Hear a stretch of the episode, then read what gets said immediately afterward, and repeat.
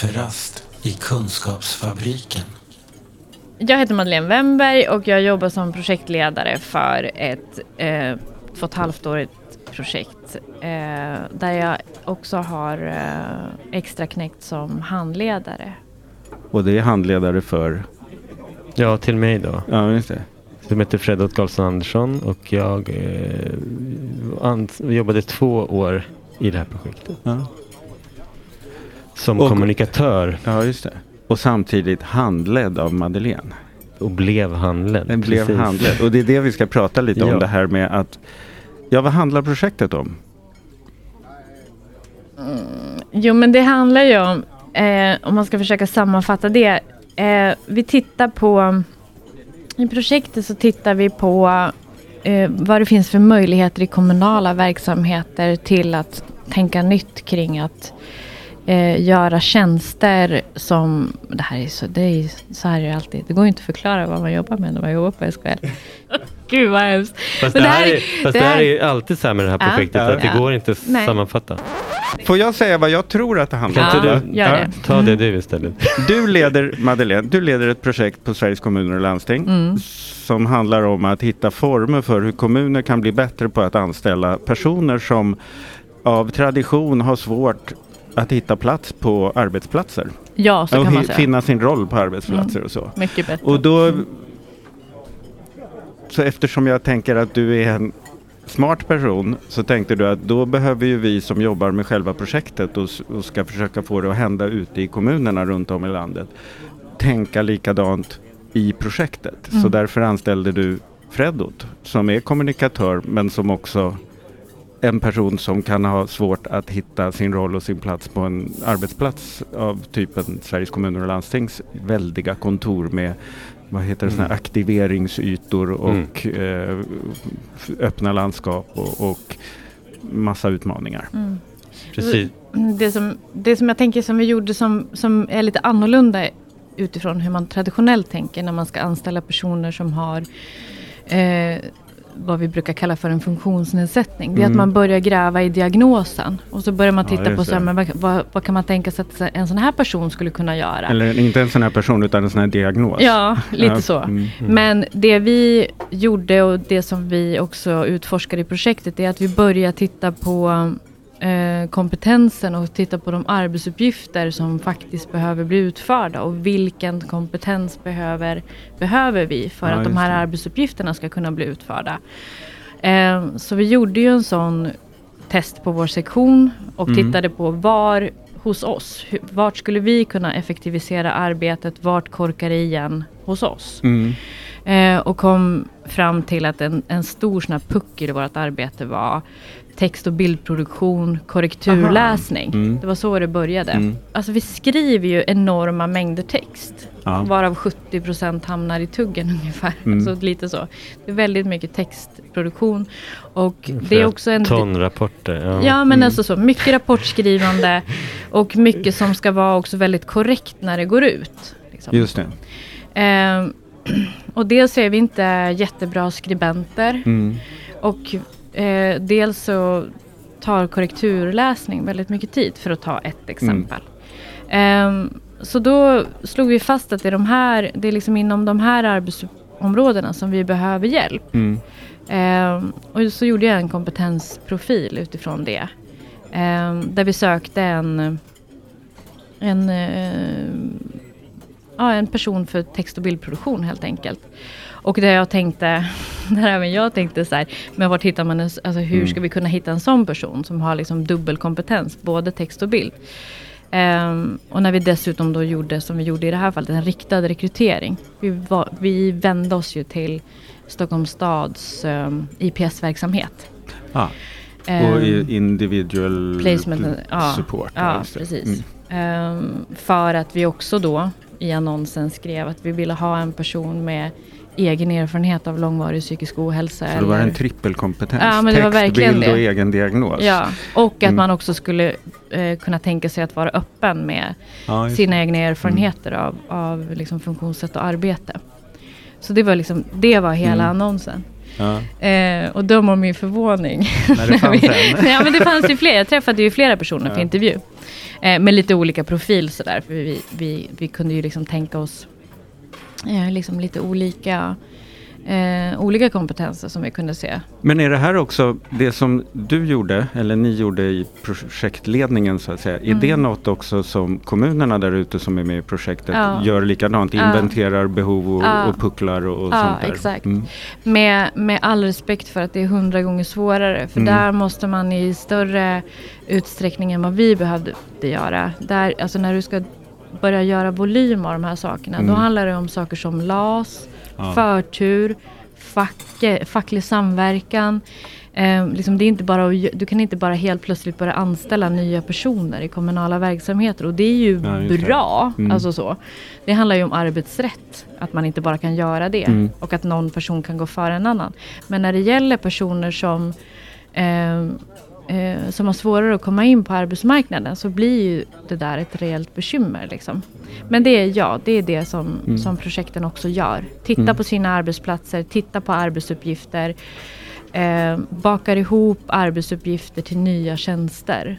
Som sen kan eh, eh, där man sen kan rekrytera en person som inte är förskollärare idag eller socionom idag eller sjuksköterska idag. För det är de yrkena som vi har brist Okej. på ute ja, i kommunerna. Men som ändå skulle kunna komplettera Ja, som kan göra delar av socionomens roll. ja, Ja, eller som kan göra delar av det som sjuksköterskan Mm. gör idag. Just det. Ehm, och det där kan du ju det kan liksom applicera tankesättet på vilken, på vilken arbetsplats eller Mm. vilken yrkesroll som helst. Och vi försöker ju titta på eh, var är det mest möjligt och rimligt Ja, att det. göra det här. Vart kan vi, det är ganska strikt ekonomiskt, vart Så kan det- vi tjäna på det? Ja just det, för kommunerna har ett rekryteringsbehov och det finns Mm. massa människor som står långt från arbetsmarknaden. Ja, Låt oss se inte- om vi kan jämna ut det där. Ja.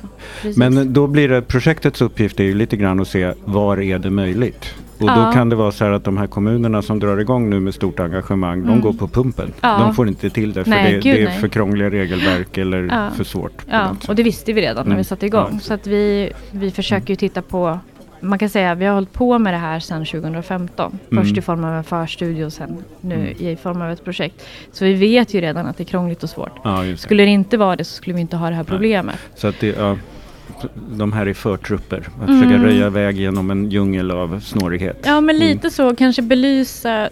Det jag hoppas på är att vi kan liksom belysa problematiken på ett nytt sätt. Mm. Och det jag också hoppas på är att vi kan se på arbetsuppgifter framför diagnos. Mm. Eh, eh, för det är lätt när vi börjar när vi börjar att titta på diagnos och svårigheter och vad du inte kan. Mm. Då är det lätt att börja tänka kring, men då ska det vara enkla och avgränsade arbetsuppgifter Mm. och hej och hå. Det, det, vi vill väl liksom visa på, på något sätt både vad som är lätt och vad som är svårt när vi försöker göra på ett annat sätt. Det. Vi började ju med det här i kanske alltså i en extremt otillgänglig miljö skulle jag vilja säga.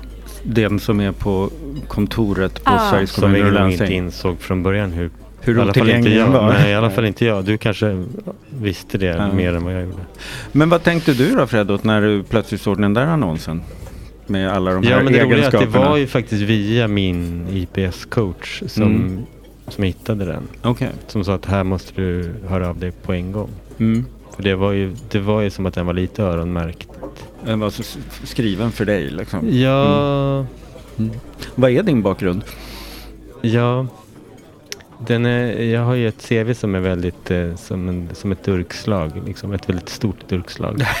det, väldigt, det går nästan inte att få ner till två av fyra sidor. Men Nej. det är också mycket hål och det är Mm. Men jag är eh, journalist eh, och har gett ut böcker som författare och bildkonstnär.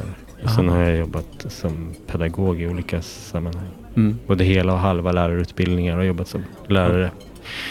Och sen har jag jobbat lite som aktivist i olika sammanhang. Mm. Har varit projektledare för 20 år sedan på Länsstyrelsen. Och det, det, var, en, det var en sån sak som som blev väldigt sådär uh, tydligt att det har hänt någonting på de här 20 åren. Det är inte bara jag som har fått diagnos. Jaha, utan alltså, okej, samhället arbetsliv, blivit- ar- arbetslivet. alltså Okej, inte bara, det, det här, Mm. inte bara det visuella som, vi, om en, som man kan se att ett kontor ser inte ut som det gör. Nej, just det. Nu är det öppna landskap och det är inte längre rum, det har en Ja, dörr du kan stänga. Men det är också så att det är liksom det digitala, den digitala miljön. Att liksom att det var mycket större förändring än vad jag hade förstått. Ja, just det. Det flimrar mer. Ja men det är liksom, Liksom allt från att det är liksom, du kan ha Facebook och sånt uppe och du kan liksom, det är så mycket som pockar på som inte gjorde det förut. Ja. Och lite grann arbetssätten också. Vad, vad är det som har gjort att du hamnade liksom i behov av IPS så långt från arbetsmarknaden? För att jag var långtidssjukskriven och utförsäkrad och eh, Mm. Åren gick och det var, det var väldigt länge sedan jag hade en fast anställning. Men du har diagnos också. Mm. Du hade även den kvalifikationen för Ja, precis. Ja. Vad är det, det du har blev för en diagnos? merit helt plötsligt ja, att ha. Ja, erfarenhet av det. psykisk ohälsa och två diagnoser. Ja, vilka två är det? Det är ADD och Asperger. Mm. Är det då, då blir det extra knepigt det här kontorsmiljön? Man skulle kunna säga att det är eh, dagens arbetsmiljö eh, skulle jag säga är som att ta två magneter och vända på. Det är som precis raka motsatsen. Säga. Och då blir det lite extra intressant. Du har ju, om vi tänker in oss i situationen, du kommer till SKL och ska jobba med Madeleine i det här projektet och har ännu inte förstått hur konfrontativt det kan bli så att säga. Och du har en idé om att det här kan nog bli knepigt men vi Mm. behöver ge oss in i det här. Mm. Och då Mm. valde ni att vi skriver dagbok. Mm. Kom ni på det från början eller? Nej. Eh, vi, Jo, men du sa faktiskt det på intervjun. Du, du, minns inte det själv. Nej men, nej, men, jag, men vi, vi, vi spånar ju ganska För det fritt ganska direkt. tidigt. Men, sen, Men var ja. det dagbok? Nej, du sa videodagbok. Men Videodagbok Mm. sa jag. om du minns det så det var faktiskt upp, och det var en av de sakerna som jag tyckte var så intressanta. 13 augusti 2018. Dagen börjar med ett stopp. De redigeringsprogram jag använder är helt plötsligt borta. Licensen har gått ut. Deadline om tre dagar. Min handledare är på semester. Jag försöker förstå. Innan sommaren skulle det beställas en ny redigeringsdator istället för den provisoriska som vi lånat från avdelningen jag var- på innan. Som jag förstod det hade det kollats budget och en beställning var gjord. Nu är det något annat som gäller. Under semestern måste beställningen ha förvandlats till förnyad licens på programmen och till att jag ska fortsätta använda lånedatorn. Helt okej, men var är programmen? Hur förnyar man en licens? Jag frågar runt. Alla säger olika saker. Känner mig dum och påstridig. Fastnar i en loop. Saknar inre kompass som visar vägen. Hur skulle mina kollegor ha gjort i samma situation?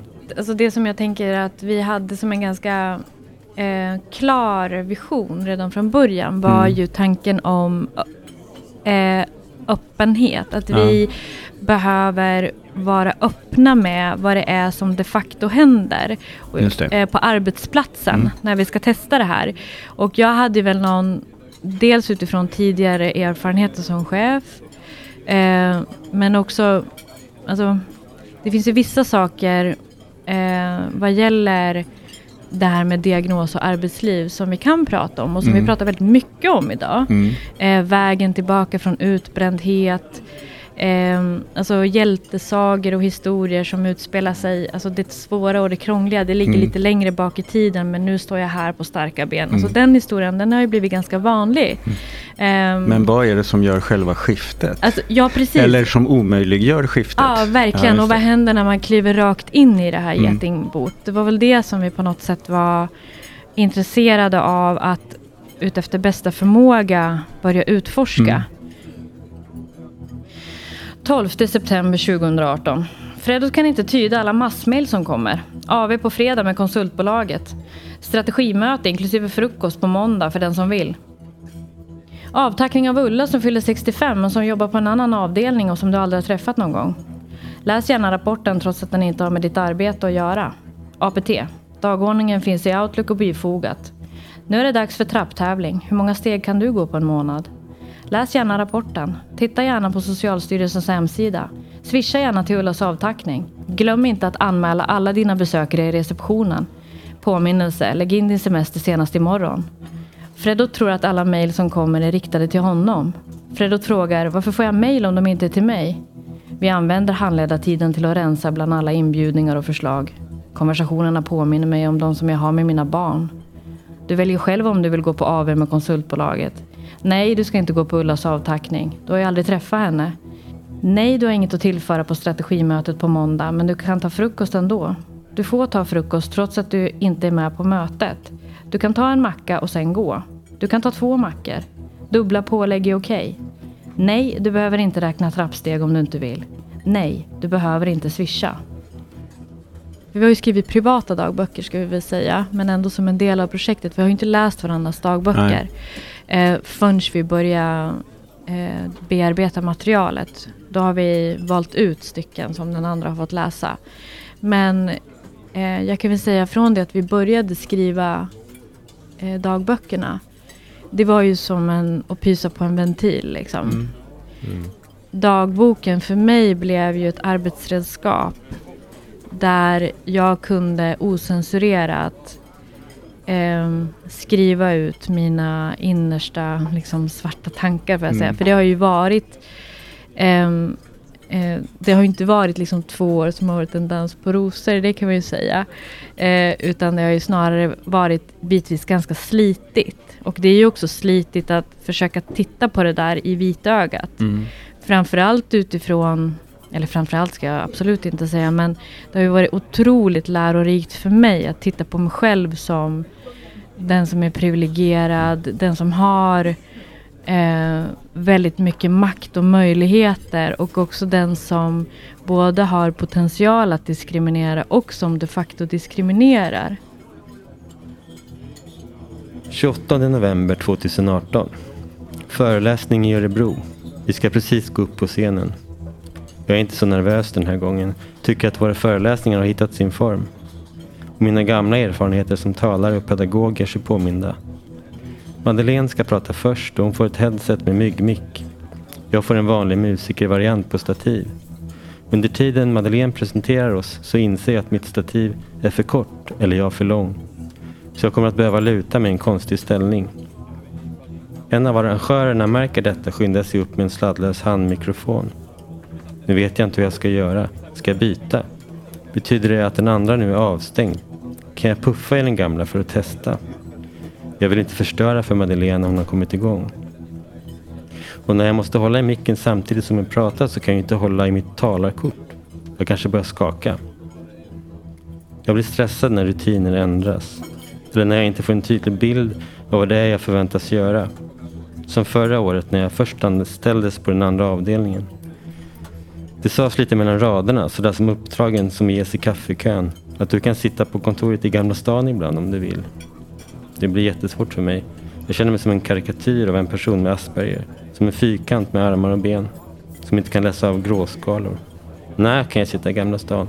Behöver jag säga till innan? Om jag sitter där, betyder det då att jag tar en plats från någon annan som kanske behöver en bättre? Den där flexibiliteten som säkert ger andra en frihetskänsla är bara stressande. Jag vill veta vad som gäller. Det här är din plats. Du ska sitta här, ingen annanstans. Hur, vad upptäckte du när du började skriva dagbok Fredot?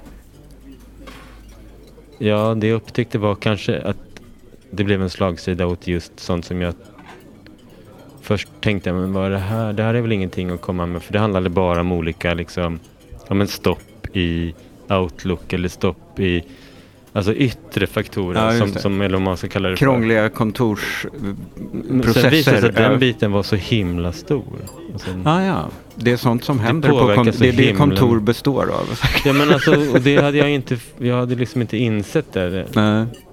För så mindes jag inte 20 år tillbaka. Då var det andra problem som jag kommer ihåg. Ja. Det var inte det här, du måste liksom för att komma åt, åt din kalender så måste du in i olika, det är 20 lösenord. Jag har en bok Mm. med lösenord Mm. bara som jag behöver för att klara vi har boendestöd hemma, där har vi en bok liksom, för att jag ska klara av allting. Sen på jobbet behövde jag en annan bok med lösenord för att liksom kunna Mm. komma igång med mitt arbetsdag. Du ska logga in och du ska hålla reda på alla de här. Och För att kunna jobba med texten och så, bilden. ja, sen och, har vi ja. olika verktyg. Liksom. Mm. Så det är inte bara mail utan det är som alla olika. Arbetsytor som du inte kommer åt om du inte kommer ihåg. Och jag har ju jättedåligt arbetsminne så att jag... det, det, mycket handlade bara om alla olika stopp. Ja. Digitala stopp. Okej. Det tyckte jag, men det är väl jättetråkigt. Men det, blev det. Ja, och, och om det var det som blev så är det ju, säger det ju någonting om vad det är som är knöligt med arbetsliv. Ja, just här i alla Ja, fall. just det. Mm. Mm. Vad var det för andra grejer du noterade liksom? Ja, men sen var det väl saker som kanske var mer väntade. För att Asperger-diagnosen hade jag inte när jag började. Mm. Den fick jag precis för ett år sedan. Och då kommer det ju såna här mycket med socialt samspel och sånt där. Så det var mer så här, ja ja men det är klart att det är svårt för mig ibland när jag inte vet vad som förväntas av mig Mm. på fikarasten eller AV, vad betyder det? Ja, det. Eh, och, och det här till och med, och sen saker som vi har till och med döpt till så här som jag nämnde i den här texten också. Uppdrag i kaffekön. Att det, Ja, just det. det är sån här Mm. sak som är liksom... Halkar du i mungipan bara Ja. så här, som plötsligt, var det viktigt Mm, eller hur liksom, återkopplar var det här en det order? här? Ja, precis. Var det här ett uppdrag jag ska göra? När förväntar du att jag Ja, ska det. göra det? Mm. Jag kan inte kolla för det finns inte någonstans. Nej, just det. Det var bara sas i förbifarten Ja. sådär. De där gråzonerna Ja. i social kom- eller i Ja, kommunikation. just det. det var ju också svårt såklart. Men det var mer väntat. Ja. Tänk om vi inte hade toaletter för rullstolsburna. Tänk om Freddo satt i rulle och inte kunde ta sig själv in på toaletten. Då skulle jag ju hjälpa honom varje gång. Jag skulle inte tänka, nu har han varit här i sex månader och kan fortfarande inte ta sig in på toan ens. Gud vad dåligt. Men nu har han ju ingen fysisk funktionsnedsättning utan en kognitiv. Och ingen rulle har han. Där ligger han på golvet och kravlar. Och jag tänker, varför reser du inte upp? Varför ligger du där på golvet helt nedkissad? Jag tänker att tiden borde göra att han fixade det. Han är ju inte direkt ny på jobbet längre. Han borde väl ha snappat upp ett och annat om hur det funkar här. Han borde väl fatta. Hade du väntat dig de grejerna också Madeleine? Just gråzonen och det sociala och det där? Ja, det hade jag. Mm.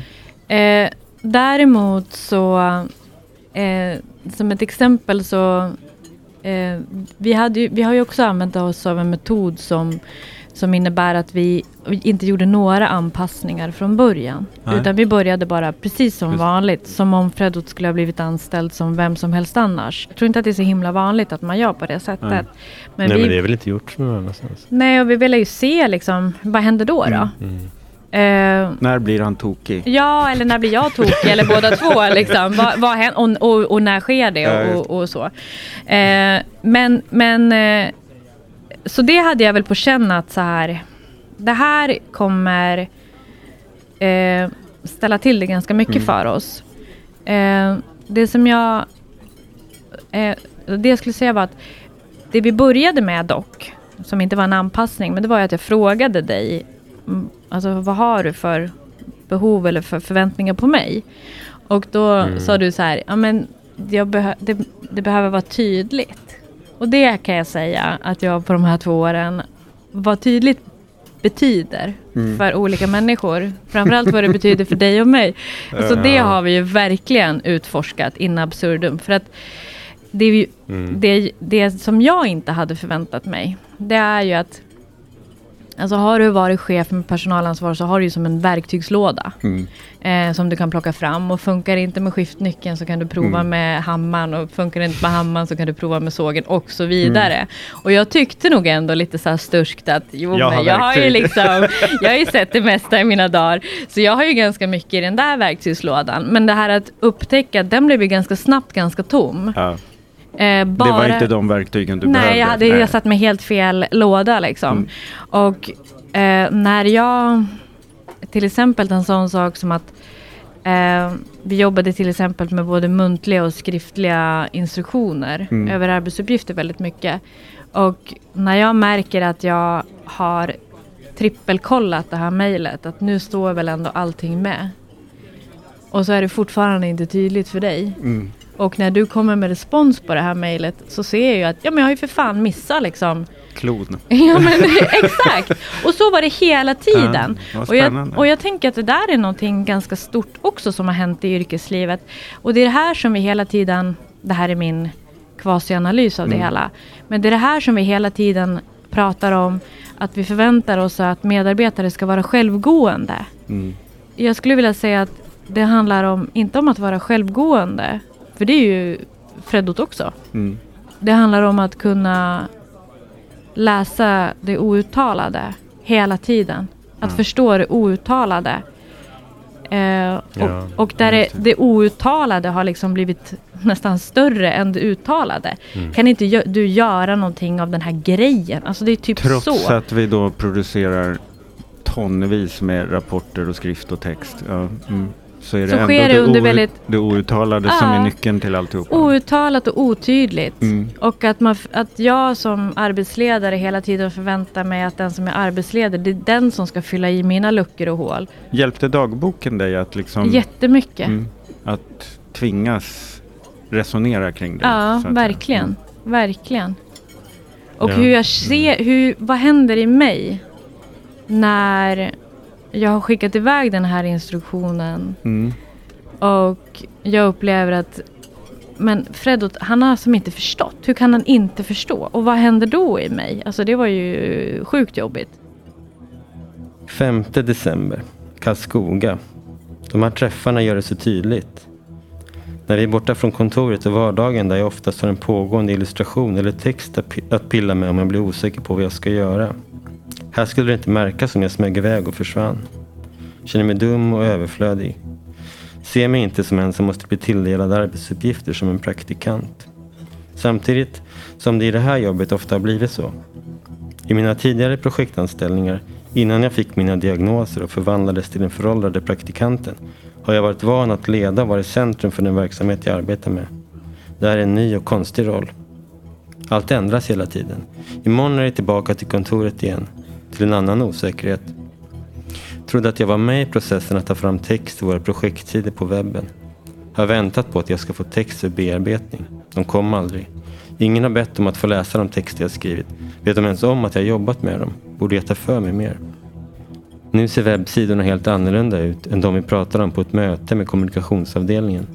Nu har de en helt annan struktur. Jag känner ofta att jag missar saker för att jag inte ingår på riktigt. Eller att jag inte förstår arbetsgången. Jag behöver en guide. 5 juni 2018. Möte med habiliteringen.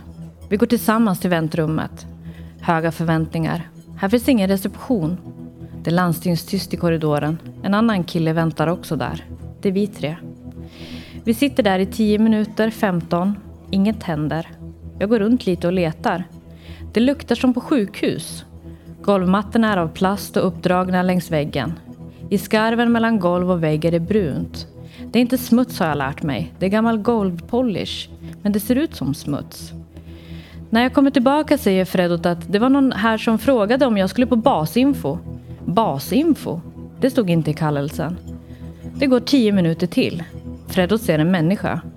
Ursäkta, jag hade tid hos en arbetsterapeut klockan 14. Människan ska kolla och försvinna runt ett hörn.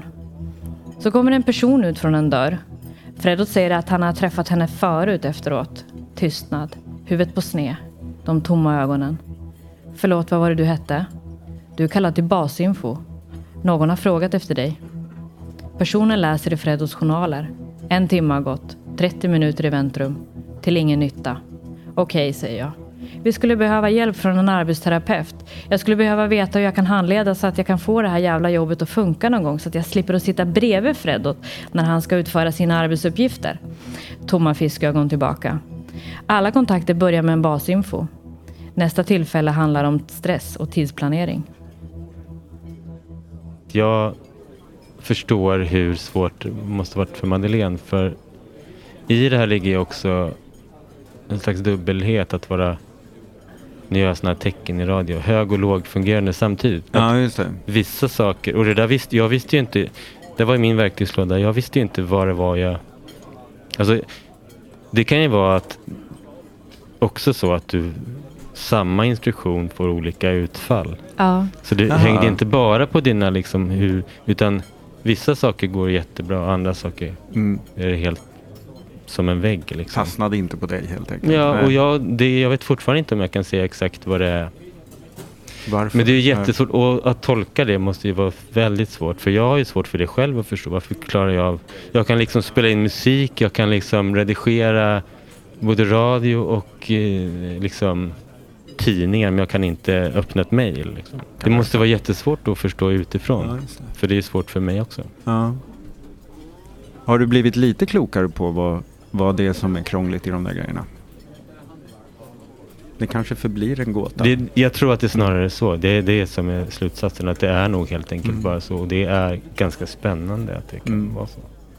Men Har frustrerande för mig och för andra, förstår jag. I det här fallet Madeleine då kanske? Ja, Mm. så jag förstår ju. Men eh, hittar du knep att öppna mejl eller göra grejer som var knepigt i Ja, början? men vi hade faktiskt en... Vi fick ju extern hjälp mm. som faktiskt kunde sitta där som du skriver Madeleine. att Sitta bredvid mig. Mm. Som kom och hade det som sin arbetsuppgift. Alltså Okej. en arbetsterapeut. Ah, ja. Som kom och satt tio gånger tror jag han kom. Mm. Och bara redde ut så att jag äntligen kunde göra saker som jag... Mm. Och det hjälpte dig? Det hjälpte jättemycket. Ja. Att göra grejer i rätt ordning? Eller? Nej men alltså som handlar bara om det här som, som man kan nästan skratta åt. Ja. Alltså jättebasala saker som att jag blir jätteförvirrad. Men varför, ja, men som här, varför får jag alla de här mejlen till mig om de inte är till mig? Ja. Och, och varför, vad ska, vad, hur ska jag hantera dem? Och min kalender, så, och det finns tre olika sätt. se- Det finns tre kalendrar, Mm. det finns en. Ja, och allt det här. Och sen skulle jag ha en arbetstelefon. Och det hade jag haft förut, men då var det bara en telefon. Nu är det helt plötsligt kalendrar och det är Outlook Ja, i och det är hemma. Mm. Kan jag, om jag tar med mig datorn hem, hur gör jag då för att logga in och allt sånt där. Det var jätte, jättesvårt. Det är fortfarande svårt. Men Det det, hjälpte han mig med. Kafferast i Kunskapsfabriken. Men yrkeslivet har vi ju byggt på det Mm. sättet. Det blev ju väldigt Ja, men tydligt nu det är det ju här. så att du måste kunna Ja. det där. Ja. Det är bara att ta för givet att du Ja. kan det också. Och det, och det som har hänt för dig under de här 20 åren är att du halkade ur arbetsmarknaden. Och sen efter 20 år så blir du liksom luftlandsatt på Sveriges kommuner och landsting. vilket är ju... Som ett sånt här Robinson-uppdrag. Ja men verkligen. Och bara så här, för jag menar min digitala Ja. förståelse den bygger ju på till exempel att jag har jobbat i de här systemen. De Eh, senaste 20 åren. Ja, exakt. Och där jag successivt har byggt på och byggt på och byggt på så att min tolerans mot skvalpmail har liksom för varje år blivit högre och högre. Hade det inte varit för hela den här äh, digitala blyvästen Mm, mm. liksom, så, tro, Gud, så, så tror inte jag att vi hade haft så jävla mycket problem om jag ska vara helt ärlig. Nej. Men idag är det så kallade kvalificerade yrkeslivet, det är lika med tecken nästan Mm. med att vara den här digitala varelsen. Mm. Och den, den Och det är outtalat, för det står ju inte i Det är helt inte outtalat. när du- nej. Men någonstans. Var det något i det som den andra hade skrivit som överraskade er? Nej, men jag väntar fortfarande med spänning på de här snaskiga Ja, vi delarna. har fortfarande... Men ni har ju inte läst allt för varandra. Nej. Nej, vi har inte gjort det. För att det som hände var ju att, att vi har ju fortfarande, jag tror så här att, eller det jag har skickat i alla fall, det som Fredrik har läst. Första gången jag skickade, för det var faktiskt så, då satt jag på ett hörn i korridoren och mejlade Fredrik texten och sen så sprang jag, som för att springa ikapp mejlen, så sprang jag in på hans rum för att jag ville se hur han såg ut när han läste det. Men han kan inte öppna så. mejl å andra sidan. Nej, precis. Så det var ju helt Men då tänkte jag så här, men då, då borde jag hinna om jag springer. Nej men lite så. Nej men för att det var ju sjukt skämmigt att liksom hela det här med att att jag liksom har väldigt mycket haft känslan av att det är som att prata med mina barn Mm. eller att Vad som är förbjudet, så får man Ja, inte tänka om, Nej en, man får om en inte kollega. tänka, nej för det är så Ja. Fast sjukt. för mig är Det- helt uppenbart. Det är klart att du tänkte så. Ja precis men det, är ändå, det ligger ju ganska långt ifrån den här idén om Ja. det jämlika kolleg... Mm. Liksom, Men samtidigt sätter ni fingret på precis varför det inte är jämlikt. Och för mig Precis. var det bara skönt att du skrev så. Mm. Det hade varit jobbigare om ni inte hade skrivit så. För mig är det bara, ja men det är klart att det är så. Ja, det är Mm. klart att du har tänkt så. Ja och jag tänker så här att det, Så jag det, glad. Det är ju just att undvika, jag tror att, att problemet för personer som har svårt att komma in eller återetablera sig på arbetsmarknaden är ju för att sådana här situationer uppstår. Mm. Det är bara det att i rollen som chef eller kollega eller handledare så är det så otroligt skämmigt Ja, just det. Både att känna de här känslorna och ännu värre att prata om dem. Mm. Så det gör att det vill man undvika till varje pris. Mm. Vilket gör att alla sådana potentiella risker, det vill man ju bara eliminera. Ja, liksom. Mm. Vi har ju bara påbörjat den här processen och bearbeta det här materialet gemensamt. Och vi håller ju också på Saken är väl den också att det är ju väldigt svårt att placera in det här materialet. Mm. Det går ju inte att Nej. placera det i en slutrapport. Nej. Så är det ju. Kanske. Nej, men det, Nej. ja, men det finns liksom aspekter av det som... ja, inte på SKL. Nej. Nej, men det, det, så vi håller på att fundera på vad vi ska göra och själva Mm. materialet. Men, men eh, eh, det som jag tyckte var mest spännande av det jag läste av Fredots texter, det var ju det här av att liksom hur såg det ut i hans huvud vid den där tidpunkten? Mm. Vad tänkte han om den här situationen? Ehm, och också liksom, alltså Fredot har ju också, det att ha förmågan att vara öppen med finess eller vad jag ska kalla det Mm. för. Den är inte så många som har. Alltså inte bara så här fläka ut sin historia. Eh, det tyckte jag var, för mi, mina texter är mycket mer fläkiga om jag får säga så. Alltså de är väldigt mer, mycket mer så här explicita och utåtriktade Mm. framförallt. Alltså det är någon, problemet ligger någon annanstans, vilket också är en privilegierad position. Ja just det, du tar in hela rummet och Ja. sambandet. Freddos kan- texter är lite mer, det här sitter jag och grubblar på. Ja, Ja. jag, alltså i Fredos texter så är det ju väldigt mycket, tycker jag, att han vänder problemet till sig själv. Att det är mig, mig Mm. och jag det är fel på. Och om man ska vara lite så här krass, mina texter gör ju också det. De pekar ju också ut Fredot som syndabocken här. Mm. I väldigt hög utsträckning. Nej, det håller jag inte med om.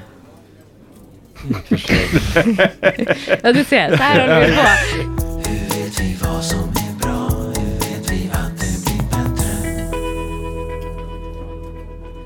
Jag kan ju tycka att det är synd att en organisation som SKL att det inte passar att göra en Mm. rapport av det där. SKL kanske borde skriva fler noveller, jag vet inte. men, eh, nej men för att vi på brukarsidan med Järnkoll och NSB och sånt där, där är det ju berättelsen som är eh, vår, vår, vårt avstamp. Och sen så försöker vi aggregera fakta i Just många det. berättelser och få till så. Det, men, men det det. är ju i berättelsen som Alltså det är lite grann som om en apotekare skulle välja mellan röda, gula och blå piller istället för att förändra. Ja, men vad är den verksamma substansen i det här? Jo, det verksamma i ert arbete är väl just den här osäkerheten, som man, osäkerheten att liksom vara dömande. Eller, Det Mm. finns massa Ja. komplexa saker där och de behöver vi ju ha berättelser kring. Mm. Vi kan ju inte bara som du var inne på säga att men sen blev det bra. Mm. Mm. För då har man ändå inte fattat riktigt varför det blev bra. Nej, verkligen inte. Och det blir det i redigerad form också, tänker Ja. jag. När vi pratar om det som hände Längs vägen. där och då, när vi Mm. i efterhand vet att ja, men, det här gick ju bra. Mm. För det kan vi väl säga också, det som, det som var lärorikt, det som jag inte riktigt hade tagit med i beräkningarna på det hela taget, det var ju att nog tänkte jag att på två år ska vi väl få det här skeppet att flyta. Mm. Och det fick vi ju inte Nej. om man ska vara så här krass. Vi fick ju aldrig, vi fick ju liksom delar av arbetet att fungera. Men jag liksom du hade ju jättesvårt att dra slutsatser kring Alltså hur, när, alltså hur ska vi göra för att det ska funka hela tiden? Nej, så där är ni inte än. Nej, Ja, absolut Det här är inte. receptet för, Nej. för hur Fred och Madeleine Nej, sk- skulle nej, funka. absolut få- inte. Men Absolut däremot inte. så har ni en massa stoff kring som kan vara vettigt för andra att reflektera kring när man själv ska ge sig på liknande utmaningar. Ja, definitivt. Det tror jag. 28 november 2018. Föreläsning i Örebro. Vi ska föreläsa tillsammans och ta tåget dit tillsammans. Fredot är väl förberedd som alltid. Det är någonting med att jobba med honom på hans sätt som är väldigt avslappnande. Han har läst på och tagit sig tid. Han kommer aldrig inspringande på ett möte helt opåläst och virrig. Han låtsas aldrig. Vi förbereder oss på tåget. Det är inte hundra saker som pockar på. Det är han och jag och texten. Vad ska vi säga? Hur? Jag känner mig lugn inombords. För en gång skulle det bara en sak. Jag tänker, så här skulle det vara alltid om vi jobbade tillsammans jämt. Vi kommer väl lägga ut någon eh, för de som blir nyfikna på själva projektet. Vad heter det förresten? Projektet heter Fler vägar in breddad rekrytering och det kan man gå in på skl.se och söka på så Då kommer lägger man vi till en länk sidor. till det i anslutning till det här. Tack för att ni ville vara med. Tack. Tack för att vi fick vara med. Den här podden görs av NSPH, Nationell samverkan för psykisk hälsa. Läs mer på vår hemsida www.nsph.se eller följ oss på Facebook. Kafferast i Kunskapsfabriken.